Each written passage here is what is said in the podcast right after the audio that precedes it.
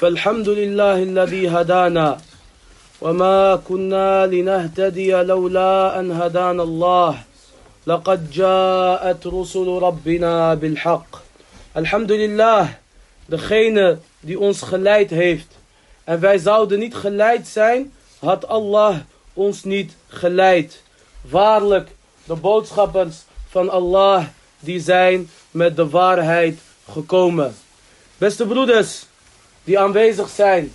En beste broeders en zusters die online luisteren. Wij beginnen vandaag, bi'idnillahi ta'ala, met een nieuw boek. Oftewel, met een nieuw vak. En het onderwerp wat hiervoor uitgekozen is, is al-qawa'id al-arba' de vier fundamenten. Dit in navolging van een boek wat we eerder hebben uitgelegd. En dat is al-usul al-thalatha, de drie fundamenten. En degene die deze nog niet heeft gehoord, ze staan online in twaalf delen. En degene die deze wil luisteren, die kan dat doen inshallah. Want dat zal een goede aanvulling zijn voor deze lessen. Barakallahu fikum. En aangezien het een tijd geleden is dat we deze lessen hebben gegeven, lijkt het mij geschikt om te starten met een korte introductie. Het boek wat we zullen behandelen gaat over een vak. En je hebt verschillende vakken in elke wetenschap. En wij behandelen vandaag de islamitische wetenschappen. Dus onze woorden vandaag gaan niet over het dunya, maar over het akhirah. Mogen Allah azza wa jal ons en jullie verzamelen in het paradijs. Net als hoe hij ons hier verzameld heeft in deze zitting. En deze zittingen van kennis zijn ook zittingen van de mensen van het paradijs. Insha'Allah ta'ala. Al-Hassan al-Basri, rahimahullah ta'ala, die zou zeggen... الدنيا ظلمات إلا مجالس العلم Al-Hassan al-Basri, rahimahullah ta'ala, student van de Sahaba, hij zou zeggen, de hele wereld is duister, behalve de zittingen van kennis. Dus kennis is letterlijk licht. En beter dan deze woorden van Al-Hassan al-Basri zijn de woorden van Rasulullah sallallahu alayhi wasallam. Die zei zoals staat in Sunan ibn Majah en overgeleverd is door Anas ibn Malik radiyallahu anhu. En Hassan is verklaard door Al-Albani rahimahullah. De profeet sallallahu alayhi wasallam die zou zeggen... Talabul ilm faridatun ala kulli muslim. Het opdoen van kennis is een verplichting voor elke moslim. En dit omvat man en vrouw. En dit omvat mensen die oud zijn en mensen die jong zijn. Vooral vanaf het moment dat zij de bulur, de islamitische puberteit, volwassenheid hebben bereikt. Dus het opdoen van kennis is een verplichting. Tayyip, hoeveel kennis moeten jij en ik opdoen? Kennis bestaat uit twee categorieën. Ilmun, ilmuhu fardu ayn. Wa ilmun, ilmuhu fardu kifaya. Kennis die verplicht is om te weten voor elke moslim. En de tweede categorie van kennis is kennis wat verplicht is voor de hele umma in totaliteit. Deze kennis moet aanwezig zijn onder de umma, maar het is niet voor iedereen verplicht. Niet iedereen hoeft erfrecht te kennen. Niet iedereen hoeft strafrecht te kennen. Niet iedereen hoeft zakat te kennen. Want niet iedereen heeft geld om zakat te verrichten. Maar iedereen moet de shahadatain kennen en begrijpen. En iedereen moet de vijf gebeden kennen en begrijpen waarom je bidt, hoe je bidt, hoe je je gebed corrigeert. En iedereen die in staat is om Ramadan te vasten, moet Ramadan vasten en moet daar kennis over hebben. En iedereen die in staat is om el hajj te verrichten, die moet kennis hebben over el hajj. Mogen Allah azza wa jal mij en jullie een hajj mabroer schenken. Dus wat je moet weten is afhankelijk van wie je bent, waar je bent en hoe ver je bent. Maar wat wij sowieso moeten weten is de kennis van al-aqidah. De kennis van al-aqidah. En dat is wat we vandaag gaan behandelen. Dit boek gaat over al-aqidah wetenschappen. Dit gaat over Allah en alles wat te maken heeft met ons geloof in Allah. Alles wat te maken heeft met de tawhid en wat te maken heeft met de shirk. Dus in deze lessen gaan we niet uitleggen hoe je wudu moet verrichten. Dat is fiqh. In deze lessen gaan we niet uitleggen hoe je de Koran moet reciteren. Dat is tajweed. In deze lessen gaan we geen grammatica uitleggen. Dat is nahu. In deze les gaan we het hebben over de aqida, wetenschappen of informatie over de aqida. En dat is de belangrijkste wetenschap. Zullen we alles behandelen? Nee, daar is dit boek niet voor. Net als hoe jij op de basisschool of in de middelbare school niet alle stof behandelt in één jaar. wiskunde is op niveaus, economische wetenschap is op niveaus, geschiedenis is op niveaus. En elk jaar krijg je een beetje, maar je begint bij het begin. En op dit moment, wat veel geleerden hanteren, dat zijn boeken over de Tawhid, zoals de drie fundamenten en Nawaqid al-Islam, de tien tenietdoeners, de tien tenietdoeners, maar ook al-Qawa'id al-Arba'. En voordat we beginnen aan dit gezegend boek, wil ik mijzelf en jullie motiveren door een hadith van de profeet sallallahu alayhi zoals staat in Sahih Muslim en overgeleverd is door Abu Huraira radiyallahu anhu. Hij zei dat de profeet sallallahu alayhi wa sallam heeft gezegd, Majtama'a qawmun fi baytin min buyutillah. Er is geen volk wat zich verzamelt in een huis van de huizen van Allah. Yatluna kitab Allah. Zij reciteren het boek van Allah.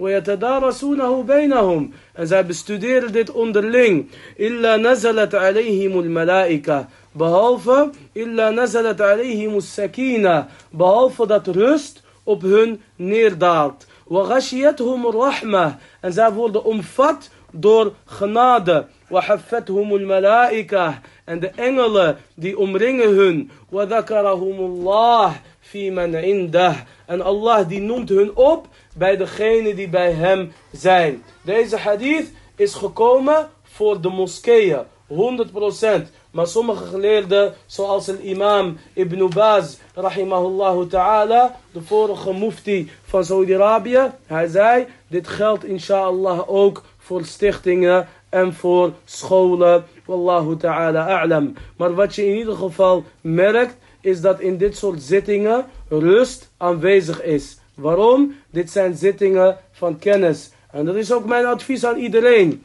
In je vrije tijd zoek de rust op. In jouw werktijd heb je het niet voor het zeggen.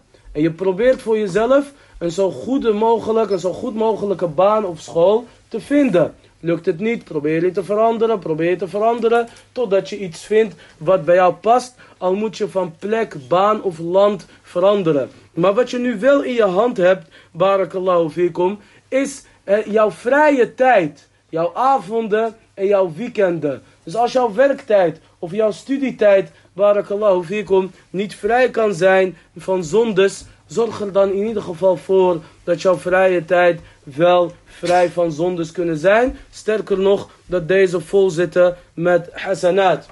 En aangezien dit een zitting van kennis is, uh, en velen van jullie misschien voor het eerst deze zitting meemaken, althans ik zie vele nieuwe gezichten, is het misschien handig om even kort in te gaan op de manieren van het opdoen van kennis. Niet allemaal, maar wel de belangrijkste. De eerste is natuurlijk het zuiveren van jouw intentie. Als jij hier komt om op een ander te letten, of op, op de meester of een studenten te letten, of als jij komt om, omdat je hier jouw schoonbroertje is, of jouw aanstaande schoonvader, bi'idnillahi ta'ala, mogen Allah jou geven wat je wil. Lakin dit is niet de intentie die je nodig hebt om kennis op te doen. Kennis kom je opdoen, of naar een zitting van kennis kom jij, omdat je dichter bij Allah subhanahu wa ta'ala wil komen. Barakallahu fikum. En in de ahadith van de profeet sallallahu alayhi wa sallam zit er ook een duidelijke verwijzing naar hoe een student van kennis zich uh, moet gedragen voor degene die inzicht hebben. Onder andere de hadith die staat in Sahih Muslim, hadith Umar radiyallahu anhu.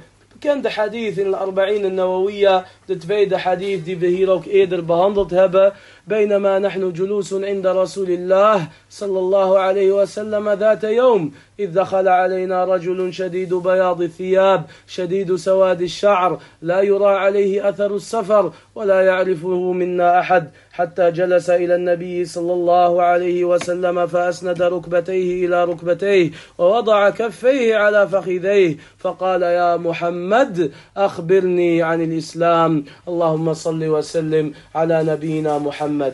De hadith van Jibril, Umar radiallahu anhu zegt, terwijl wij aan het zitten waren bij de profeet sallallahu alayhi wasallam, op een dag kwam er een man, die had gitzwart haar en die had melkwitte kleding. Wij kenden hem niet, maar die zag ook geen sporen van reis op hem. Totdat hij zat bij de profeet sallallahu alayhi wasallam. En hij plaatste zijn handen op zijn knieën. En hij zei, ja Mohammed, vertel mij over al-islam. Sheikh al-Allama, Salih al-Fawzan, hafidahullah ta'ala. En vele andere geleerden, zij zeggen, hij kwam met gitzwart haar.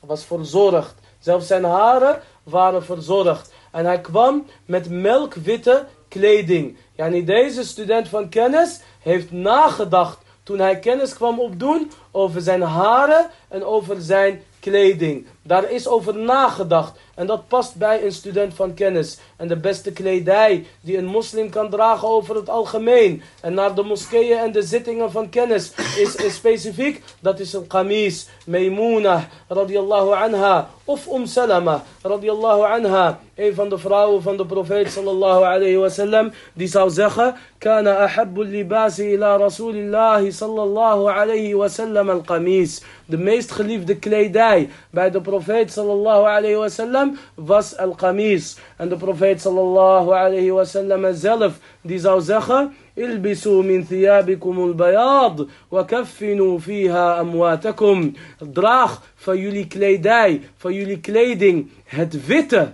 Draag van jullie kleding het witte en wikkel daarin jullie doden.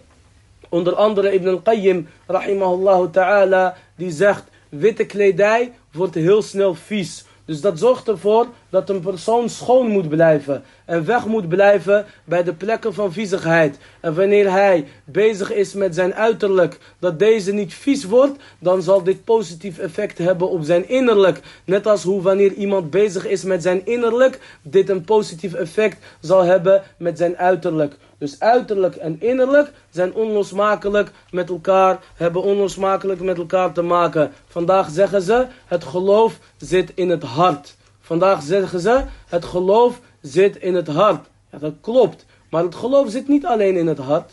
Zit ook in jouw ledematen en in jouw tong. Taibul al-kufr billah. Die zit niet in je knieën. Die zit ook in je hart. Al-kufr billah bij een kafir. Zit niet in zijn knieën of in zijn linkerteen. Zit in zijn hart. Dus net als hoe al-iman in jouw hart zit, kan el koffer of el bid'a ook in jouw hart zitten. Zelfs zondes. Wanneer iemand, net als Majnoon Leila, gek is op een vrouw die verboden op hem is. Waar voelt hij dat?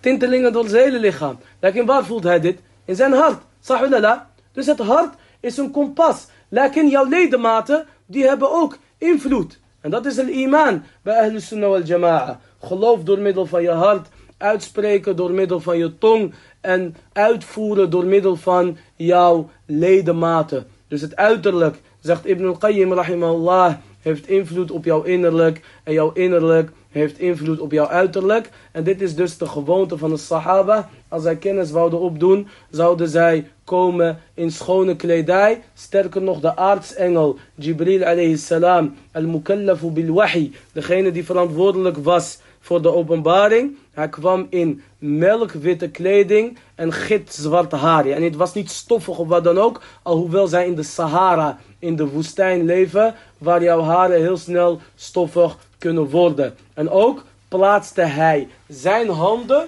op zijn knieën. Dus hij zat met respect. Hij zat niet met uitgestrekte benen, alsof hij mashallah aan het strand ligt en het enige wat ontbreekt is een parasol en een drankje. Nee, hij zat netjes. Een student van kennis, barakallahu fikum, heeft een van de twee zithoudingen.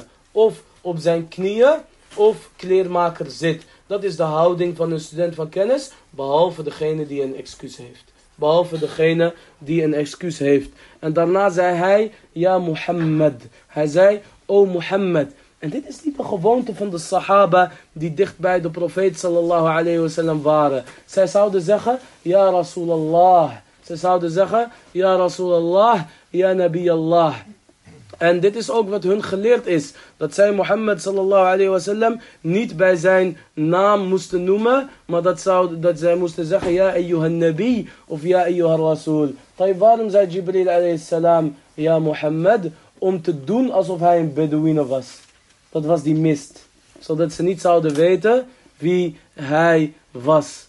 En zij dachten dat hij een Bedouine was. En aan het einde van de hadith zei Umar radiallahu anhu, ik bleef even. In één hadith staat drie dagen. En toen zei de profeet sallallahu alayhi wa sallam, Ja Umar, atadri man is sa'il. O Umar, weet jij wie de vraagsteller is? En Umar radiallahu anhu zei, Allahu wa rasuluhu a'lam. En dit is ook een adab. Dit is ook een manier van kennis opdoen. En dat je, al weet je iets, dat je je plek kent en dat je gewoon rustig aandoet. En wanneer er iemand is die meer kennis heeft, dan zeg jij, Allahu wa Rasulu a'lam. Je laat degene met de meeste kennis spreken. En je bent niet haastig wanneer jij minder kennis hebt of jonger bent dan diegene. En toen zei de profeet sallallahu alayhi wa sallam, Innahu Jibril, ataakum yu'allimukum dinakum. Waarlijk, het is Jibril, het is de aartsengel Gabriel. En hij is gekomen om jullie je religie te onderwijzen. Dus alles wat Jibril in deze hadith heeft gedaan, is onderwijs.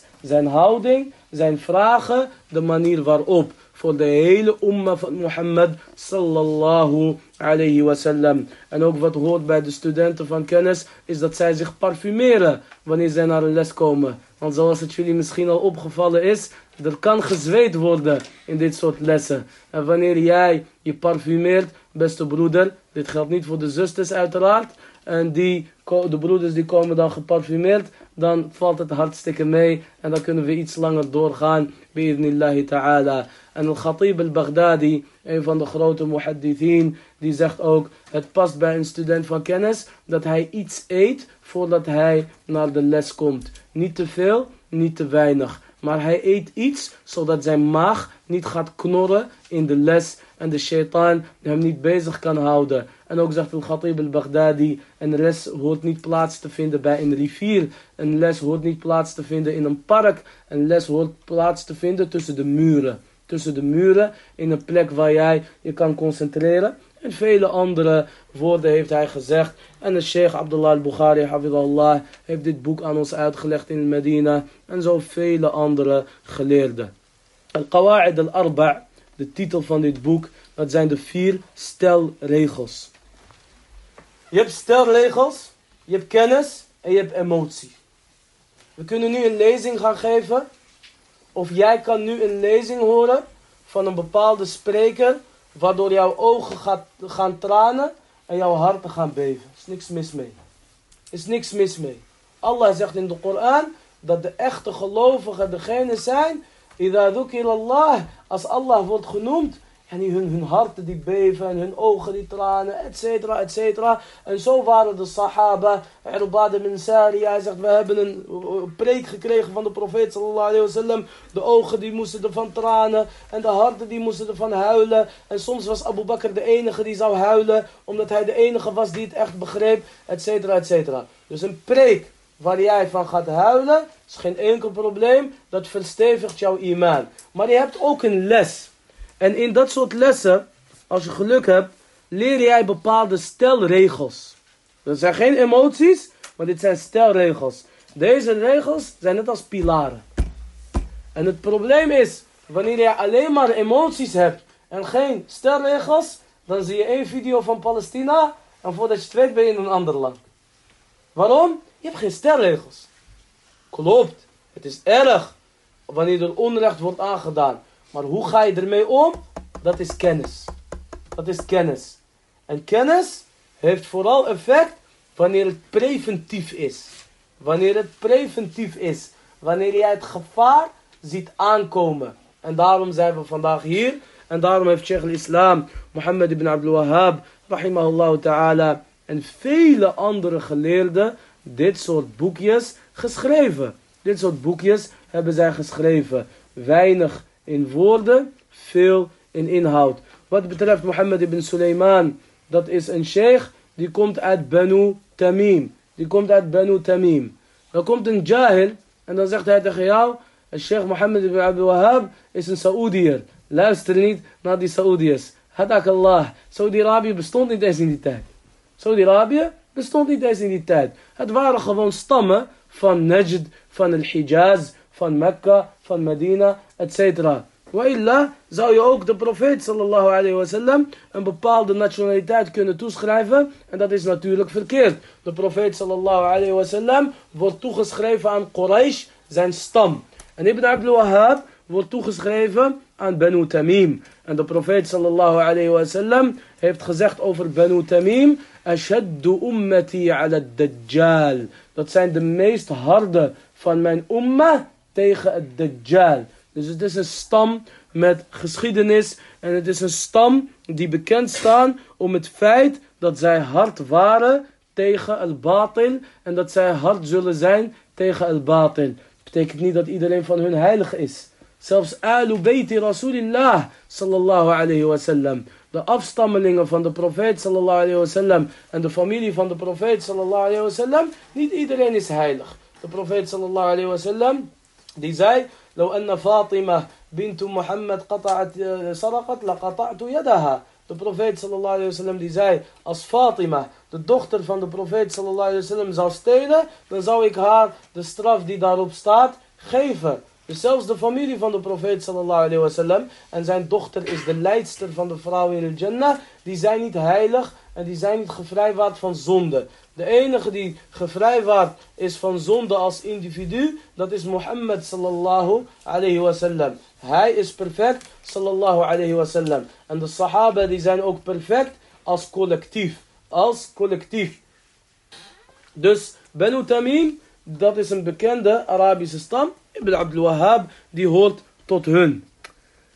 Ibn Abdul Wahhab, rahimahullah, zijn vader was een geleerde, zijn opa was een geleerde, zijn oom was een geleerde. Komt uit een stamboom van geleerden.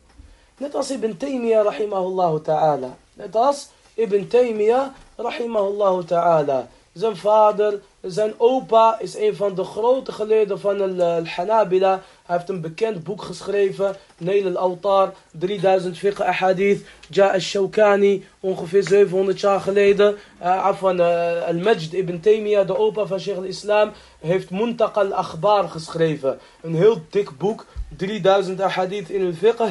En daarna is een Jemenitische geleerde uh, 700 jaar daarna gekomen, al-imam al-Shawkani, en die heeft Neil al-Autar geschreven, en uitleg op die 3000 ahadith, en dat is een boek die geschreven is, en vandaag de dag wordt gedrukt in 16 volumes. In 16 volumes. Dus dit boek is, is een uitleg op een boek die is geschreven, niet door Ibn Taymiyyah, door de opa van Ibn Taymiyyah. Wat ik hiermee wil zeggen, is Ibn Taymiyyah komt uit een gezegende familie met kennis. En Ibn Abdul Wahhab, rahimahullah ta'ala ook. En de imam al-Bukhari, die had ook affiniteit met kennis. Zoals we hebben gezegd in de biografie van de imam al-Bukhari, die online staat en die we hier ook hebben behandeld. Zijn vader, die kende bijvoorbeeld Ibn al-Mubarak.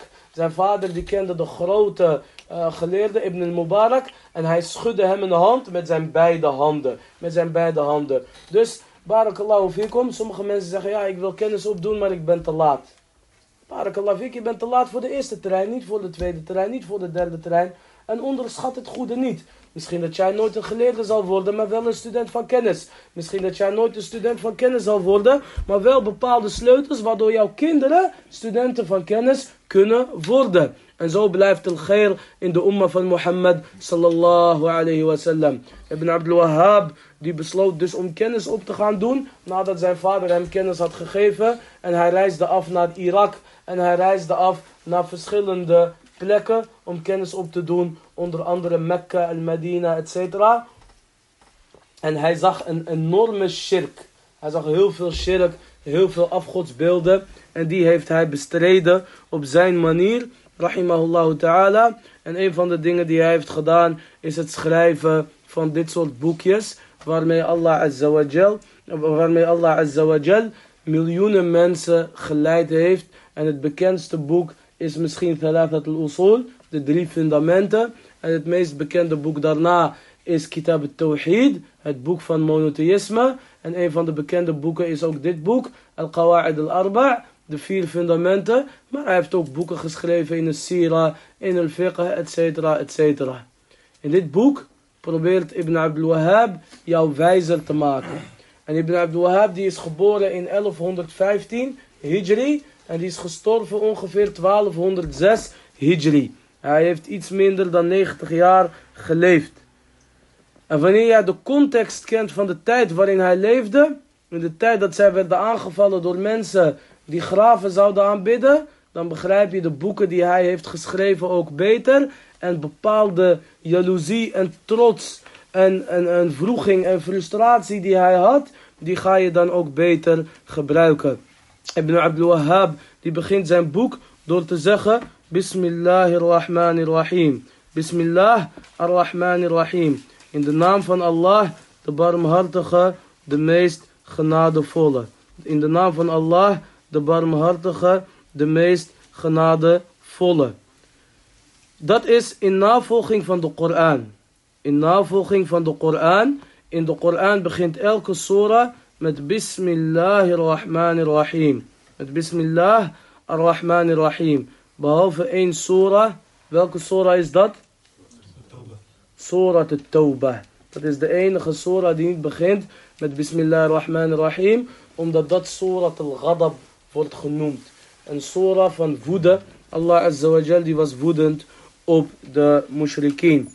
En ook de brieven van de profeet sallallahu alayhi wa sallam. Die, zouden, die zou hij beginnen door te zeggen Bismillah ar-Rahman ar-Rahim. Min Muhammad ibn Abdullah ila fulan ibn fulan. Bismillah ar-Rahman ar-Rahim. In de naam van Allah, de barmhartige, de meest genadevolle. Van Muhammad, de zoon van Abdullah. Naar bijvoorbeeld Herakl, Azim Room. Naar Heraklius, de geweldige der Romeinen. En ook Suleiman alayhi salam, die zou beginnen met Bismillahirrahmanirrahim. Zoals de vrouw van, Je van Seba zei. Zoals de koningin van Seba zei. Wie was de koningin van Seba? Bilqis, ahsant, barakallah fiek. Zij zou zeggen, Innahu min Suleiman wa innahu bismillahirrahmanirrahim. Zij zei, ik heb een edele brief gekregen. Het is van Suleiman en het begint met Bismillahirrahmanirrahim. Dus wanneer jij een brief schrijft, of wanneer jij begint met een preek, of wanneer jij begint met het lezen van Koran op Surah At-Tawbah na, begin met Bismillahirrahmanirrahim en dan is jouw dag gezegend. Wanneer jij jouw huis binnengaat, begin met Bismillahirrahmanirrahim, dan is jouw huis gezegend. Wanneer jij Koran leest, begin dan, wanneer jij eet, begin dan met Bismillah. En dan is jouw eten gezegend. In de hadith staat dat de profeet sallallahu alayhi wasallam zei, wanneer een persoon zijn huis binnenstapt en hij zegt Bismillah, dan zegt de duivel, hier is geen slaapplek. En wanneer een persoon begint met eten en hij zegt Bismillah, dan zegt de duivel, geen slaapplek en geen eten. Tayyip, als jij dakloos en hongerig bent, blijf je daar of ga je weg? Ga weg. Alhamdulillah, Adullah is weg uit jouw huis doordat je twee keer bismillah hebt gezegd. Laat staan als je de Koran reciteert. Laat staan als je de adkar doet thuis. Laat staan, laat staan, laat staan. En wanneer jij naar buiten loopt, dan zeg jij Bismillah, tawakkaltu ala Allah. Wa la hawla wa la quwwata illa billah. اللهم إني أعوذ بك أن أضل أو أضل أو أزل أو أزل أو أجهل أو يجهل علي Wanneer je naar buiten loopt zeg je Bismillah Ik vertrouw op Allah En er is geen macht of kracht Behalve met de wil van Allah O Allah, ik zoek toevlucht bij u. Dat ik dwaal of dat ik laat afdwalen. Dat ik onwetend ben of dat anderen tegen mij onwetend zijn. Of dat ik val of dat anderen mij laten vallen. En dan zegt de engel tegen jou, jij bent beschermd, jij bent geleid en alles wordt voor jou geregeld. Hoe komt dat? Doordat je zegt Bismillah, in de naam van Allah. Allah, de God van Mohammed.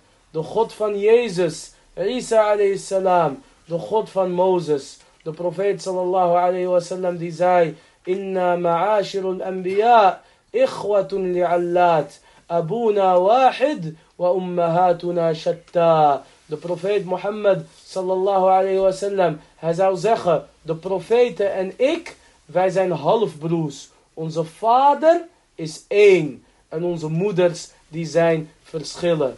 Dus de, verschillend. Dus de boodschap van Mohammed en de boodschap van Isa, Jezus, de boodschap van Musa, Mozes, de boodschap van Suleiman, Salomon, Dawood, David, Zachariah, Zacharias, die is allemaal hetzelfde. Wat is die boodschap? En i'budullah, wa la bihi shay'a. Aanbid Allah alleen en ken geen deelgenoten aan hem toe.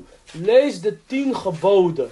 Lees de tien geboden. De eerste, of het eerste gebod is, gij zult geen afgoderij plegen. U zult God alleen aanbidden. Waarom aanbidden de mensen Maria? Waarom aanbidden de mensen Maria? Allah zegt aanbid mij alleen. Jezus Isa, hij zegt aanbid Allah alleen. Dat is de weg naar Allah subhanahu wa ta'ala. En dit is wat wij in dit boekje zullen behandelen. Sheikh ibn Abdul Wahhab, rahimahullah ta'ala, die zegt...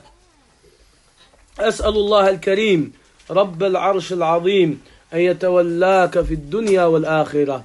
Ik vraag Allah, de edele, de eigenaar van de geweldige troon, om jou te beschermen in dit wereldse en in het hiernamaals en om jou als vriend te nemen. Hij zegt, ik vraag aan Allah de edele, al-Karim. Edelheid is een van de eigenschappen van Allah. En de edele is een van de namen van Allah. Allah is de meest edele, de meest vrijgevige. De profeet sallallahu alayhi wasallam die zei: Inna Allah hayyun kareem. Allah is schaamtevol en hij is edel. Yastahi idha rafa'a al-abdu yadayh yaruddahuma. Allah die schaamt zich dat wanneer een persoon zijn handen opheft om het dua te verrichten, om deze leeg terug te geven. Dus wanneer jij Allah smeekt, wanneer jij God smeekt, subhanahu wa ta'ala, je krijgt er sowieso iets voor terug. Waarom? Omdat hij de meest edele is, subhanahu wa ta'ala. Rabb al-arsh al-azim. En hij is de eigenaar van de geweldige troon. Allah die heeft een troon. Maar niet zoals de troon van de koningen. Want hij is de koning der koningen, subhanahu wa ta'ala. En zijn troon heeft een kursi. En daarna is, of daarna is ayat al-kursi vernoemd. Al-kursi is niet de troon. Al-kursi is slechts het voetenbankje. Al-kursi, dat is net als een voetenbankje. In de hadith staat dat de hemelen en de aarde in vergelijking met een kursi, die zijn net als een ring die jij gooit in een vallei. Zeg maar een hele mooie vallei, net als die van Zwitserland. Je staat ergens op een berg en je gooit een ring naar beneden. Zie jij die ring nog? Die ring zie je niet. Zo zijn de hemelen en aarde en de melkweg en alles vergeleken met een kursi van Allah. En deze kursi, deze kursi, in vergelijking met de arsh, met de troon, is slechts net als een ring in een vallei. Terwijl die kursi zelf, de hemel en aarde in vergelijking met die kursi, die waren alles een ring in een vallei. En de, de, de kursi is in vergelijking met de arsh, met de troon, als een ring in een vallei. En Allah is boven al-arsh, subhanahu wa ta'ala. Allah, waar is Allah? Hij is boven, boven de troon, subhanahu wa ta'ala. Hij ziet alles en hij weet alles. Dus hij is overal met zijn kennis, met zijn zicht en met zijn gehoor.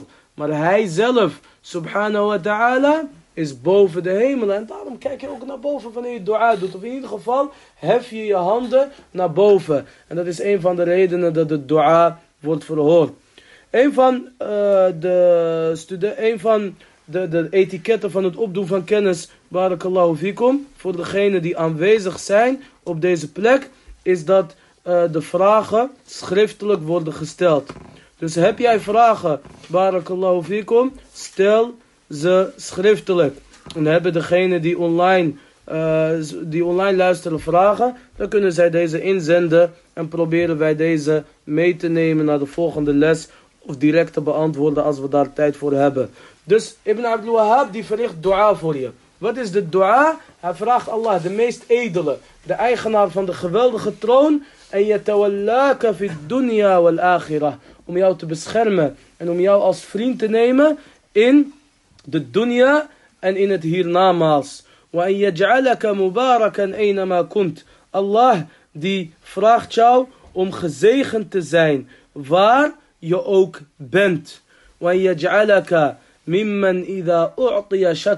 En hij zegt, ik vraag Allah om jou, o lezer, om jou, o luisteraar, van degene te zijn die dankt wanneer zij krijgen وَإِذَا sabar. En degene die geduldig zijn wanneer ze een beproeving meemaken. وَإِذَا أَذْنَبَ اسْتَغْفَرْ En wanneer, en van degene te laten zijn die berouw tonen wanneer zij zondigen. فَإِنَّ هَؤُلَاءِ الثَّلَاثِ عُنْوَانُ السَّعَادَةِ Want deze drie, die zijn de sleutel tot blijheid.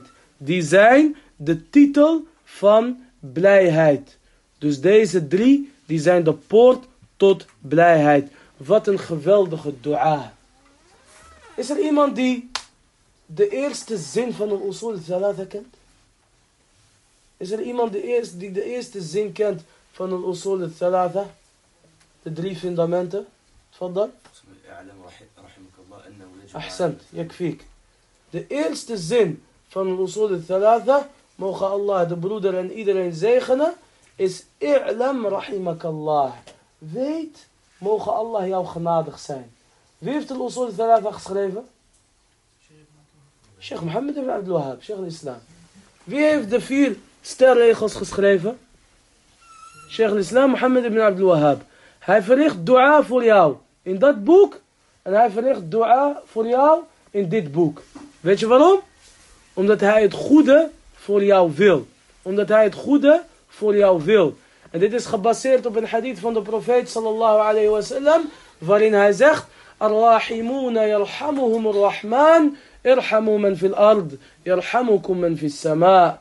Degene die genadigd zijn. Degene die elkaar genade gunnen. Degene die elkaar genade en barmhartigheid geven. Zij zullen de genade krijgen van de meest genadevolle. Wees genadig tegenover degene die op aarde zijn. En dan zal degene die boven de hemel is, jullie genade schenken. En een van de grootste vormen van genade is dat jij dua verricht aan iemand of voor iemand, excuses, voordat je hem wat leert of haar wat leert. Barakallahu fikum. Dus niet droog brood door zijn mond proberen te plaatsen, maar smeer er wat boter op, jazakallah khair, maak hem wat vochtig door middel van een beetje boter en een beetje honing, jazakumullah khair. En dit is dus wat Ibn Abdul Wahhab, rahimahullah ta'ala, doet, door middel van een dua te verrichten. Elk goed verhaal kent een inleiding, een kern en een slot. De kern kan belangrijk zijn.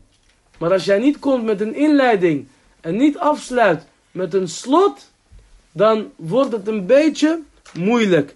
En Ibn Abdul Wahhab, die begint met een prachtige inleiding en dat is een dua. Hij zegt, ik vraag Allah dat jij gezegend bent waar jij ook bent. En el baraka die komt van Allah. En de reden van el baraka zijn veel.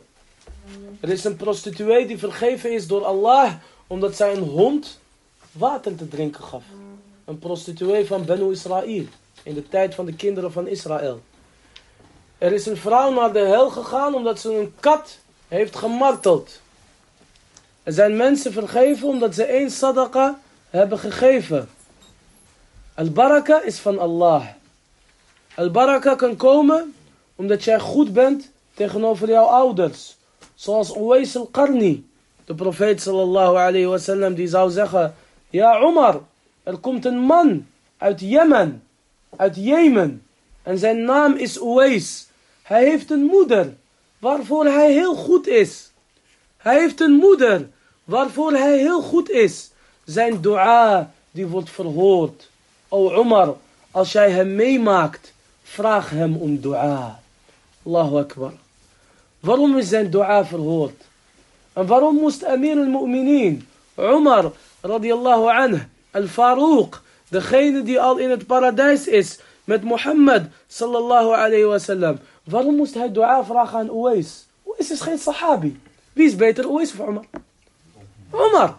Als Omar op een straat loopt, shaitan gaat naar een andere straat. Gaat om de kant, gaat om de hoek. Hij rent weg. De profeet sallallahu alayhi wasallam zei, als er een profeet na mij was, dan was dat Omar. Maar toch moest Omar van de profeet sallallahu alayhi wasallam, hij werd aangespoord om dua te vragen aan Uwais. Wat heeft Uwais gedaan? Ghazwat Badr? Ghazwat Uhud? Al-Yamama? Al-Khandaq? Volgens mij praat ik Chinees voor sommige mensen. Lees de sira, barakallahu fikum. Waarom werd Omar aangespoord om dua te vragen? Hij was goed, Uwais was goed voor zijn moeder. Allahu Akbar. Deuren in het paradijs in onze huis, maar vaak laten we ze gesloten. Onze moeders behandelen we net als die oude sok.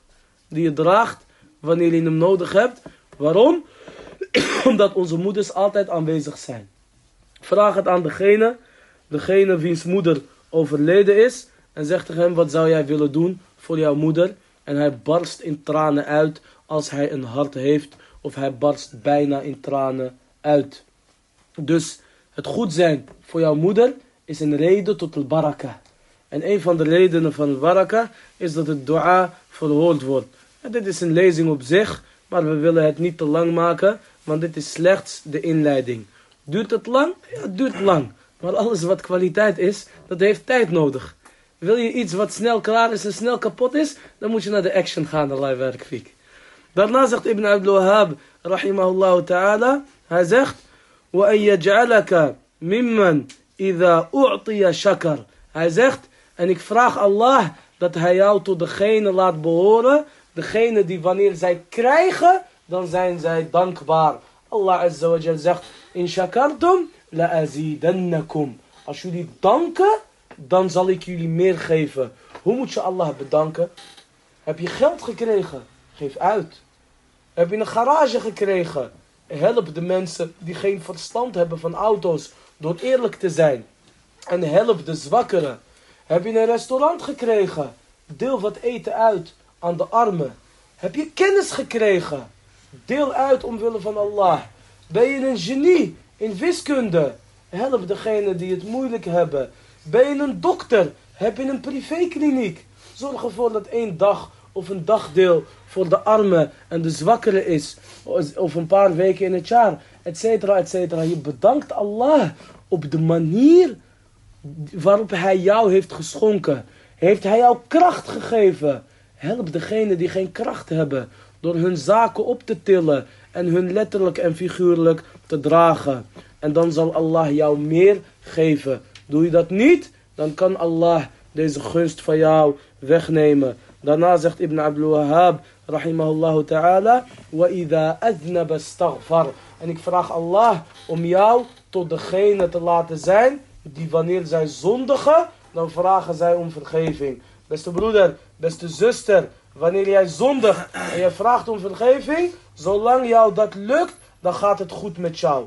En dan is de volgende stap dat je je zondes minimaliseert. En zeg niet, ik voel me hypocriet. Ik ga geen les volgen, ik ga geen kennis opdoen, want ik zondig. Want ik doe dit of dat of zus of zo. Dit is iets van de shaitaan. De profeet sallallahu alayhi wa sallam die zei... لو لم تذنبوا لذهب الله بكم ولا أتى بق ولا جاء بقوم يذنبون فيستغفرون فيغفر لهم. De profeet sallallahu alayhi wa sallam zei... Als jullie niet zouden zondigen, dan zou Allah jullie laten verdwijnen. Dan zou Allah jullie laten verdwijnen, jullie uitroeien. En met een volk komen die wel zondigt, opdat zij vergeving zullen vragen, opdat zij ook daadwerkelijk vergeven zouden worden. Dus Allah is de meest vergevingsgezinde. En hij houdt er niet van dat wij zondigen. Maar het is nou eenmaal, eenmaal een feit en een, standaard dat wij zondigen. En die zondes moeten wij minimaliseren. Maar het zijn ook die zondes waardoor de eigenschap van Allah tot uiting komt. En dat is het vergeven. Wa al rahim. En hij is de meest vergevingsgezinde. Subhanahu wa ta'ala. Dit is geen vrijbrief om te zondigen. Maar dit is wel een oplossing als jij gezondigd hebt. En een van de zaken die jij moet doen nadat jij hebt gezondigd, is dat jij de zonde laat opvolgen door een goede daad. Bijvoorbeeld salat tawbah, het gebed van berouw. Nadat je hebt gezondigd en je hebt spijt van je zonde, verricht je wudu en verricht je twee raka'at en toon je berouw. En ook het geven van sadaqa, dat is ook een van de zaken waardoor jij de zonde laat doven en de woede van Allah laat doven. En daarna zegt Ibn Abdul Wahhab, rahimahullah, deze drie zaken, die zijn de sleutel tot blijdschap. Welke drie zaken? Als jij krijgt, dan dank jij. Als jij wordt beproefd, dan heb jij geduld. En je wordt beproefd door middel van jouw gezondheid, door middel van jouw rijkdom. En de echte, ware lievelingen van Allah, dat zijn degenen die beproefd worden, omdat zij de boodschap verspreiden. Het kan niet dat iemand de islam verspreidt en hij of zij worden niet beproefd. Omdat de profeten werden beproefd. En de profeet sallallahu alayhi wasallam die werd gevraagd. Ja Rasulallah, men ashaddu nasi ibtila'an. O boodschapper van Allah, wie zijn de meesten die, eh, die beproefd worden? Die het ergst beproefd worden? De profeet sallallahu alayhi wasallam zei, al-anbiya, hij zei de profeten. Qila thumma man? Qala al-amthalu fal-amthal. Hij zei de profeten. Er werd gezegd daarna wie? Hij zei daarna de meeste die op hun lijkt en de meeste die op hun lijkt. Dus hoe meer een persoon is op het pad van Allah, hoe meer er over hem gesproken wordt, hoe meer er over hem geroddeld wordt, hoe meer mensen genieten van de sensatie eromheen, hoe meer de mensen op zoek zijn naar zijn fouten, dat hoort erbij. Dat is helaas, dat hoort erbij. Het is niet goed, maar dat hoort er wel bij. En zelfs de Nederlanders die zeggen, hoge bomen, die vangen veel wind. Wallahu musta'an. Lakin, je moet geduld hebben. Geduld heb je door door te gaan. En geduld heb je door niet in te gaan op elke roddelaar of elke lasteraar. De Arabische dichter zou zeggen: لو أن كل كلب عوى ألقمته حجرا لكان سعر الصخر بديناري. De Arabische dichter die zou zeggen: Als ik op elke blaffende hond een steen zou gooien, dan zou ik rotsen voor goud moeten kopen. Ja, die stenen raken op en de blaffende honden raken niet op. En de profeet sallallahu alayhi wa sallam, die heeft gezegd, Inna min ash-shi'ri la hikmah. Sommige gedichten zijn wijsheid. En ook zeggen de Arabieren, al-kilabu tambah wal-qafilatu tasir. De, geleer, de geleerden, de Arabieren, zelfs in de Jahiliya, die zouden zeggen, de honden die blaffen, maar de karavaan die gaat door. Wat gebeurt er in Marokko of in Turkije wanneer je met je auto rijdt in het platteland? Wie hoor je blaffen? Wat hoor je blaffen? Hoor de honden blaffen. Ga je stoppen? Ga je ze aanpakken? Je rijdt door. Allah je barak fiek. Zo ook wanneer jij bezig bent op het pad van Allah en iemand valt je lastig, waarom? Haat, afgunst, jin, ins, Allah wat zijn of haar probleem is. Ga je op iedereen in, jij wordt moe en zij hebben hun doel gebruikt. Ga maar door. Als het vuur geen brandstof vindt, dan eet het zichzelf op. En de Arabieren die zouden zeggen, حسد الفتى إذ لم ينالوا سعيه فالقوم أعداء له وخصوم كضرائر الحسناء قلن لوجهها حسدا وبغيا إنه لذميم De Arabische dichters die zouden zeggen, ze haten de jonge man. Ze haten de jonge man, omdat ze niet datgene bereikt hebben, omdat ze niet datgene konden bereiken wat hij bereikt heeft. Dus het volk, die zijn zijn vijanden en ze zijn tegen hem. Net als de vrouwen om een hele knappe vrouw heen.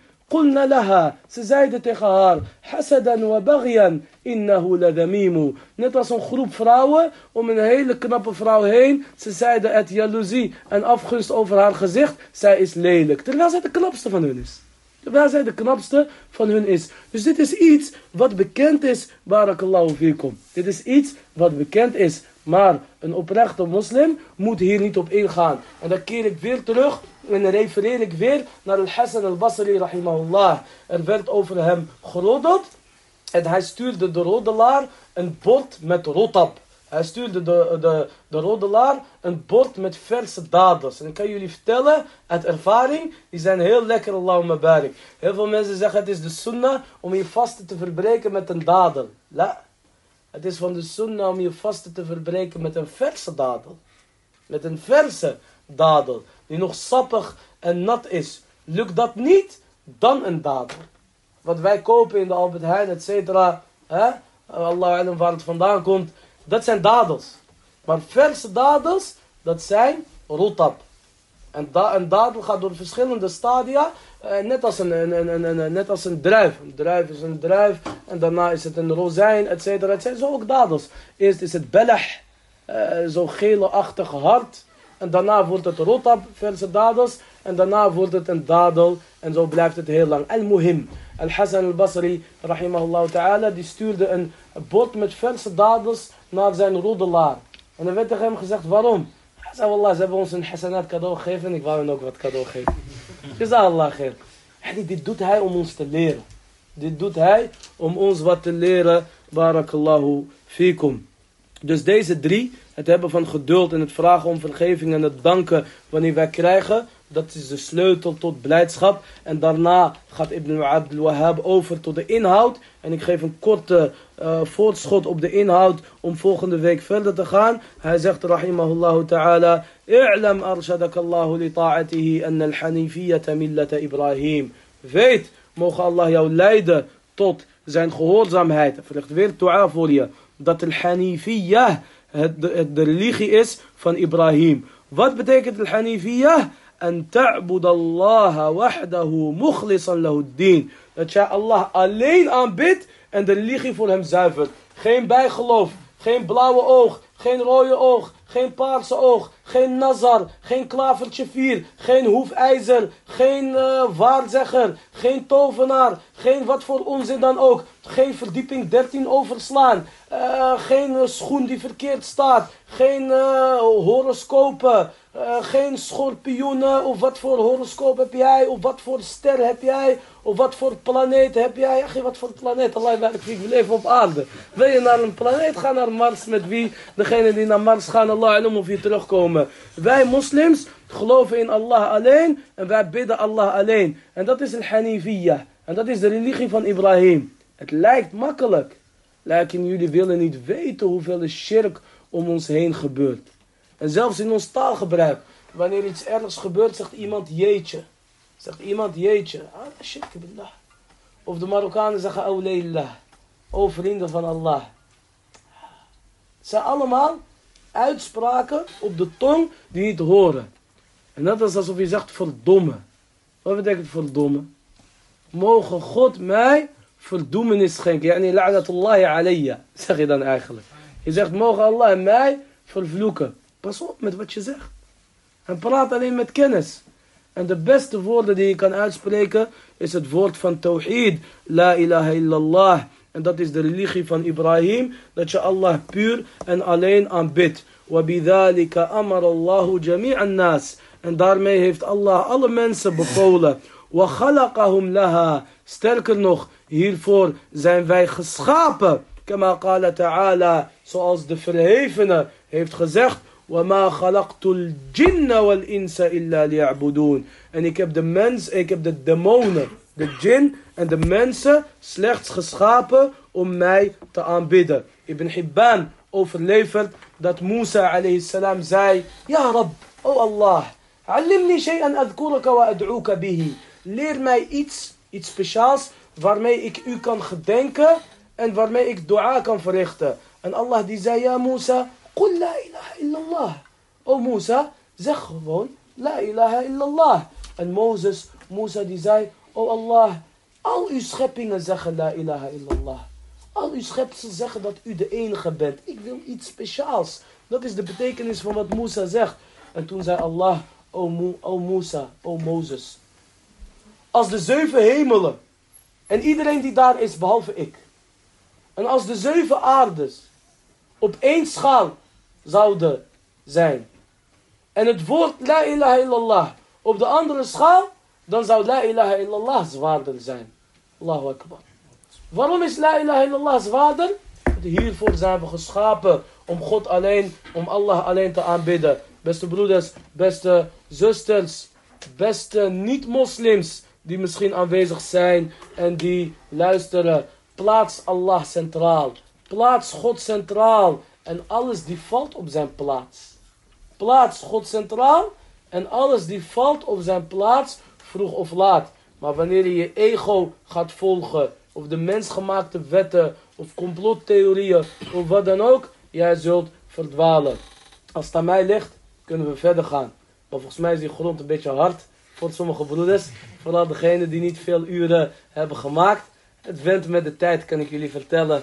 Barakallahu fikum. Dus we stoppen hier en we gaan volgende week verder. Als er vragen zijn, dan kunnen die schriftelijk gesteld worden. Allahumma salli wa sallim wa barik wa an'im ala nabiyina Muhammad wa ala alihi wa sahbihi ajma'in. Wa akhiru da'wana anilhamdulillahi rabbil alamin. Uh, een mededeling vanuit uh, het bestuur.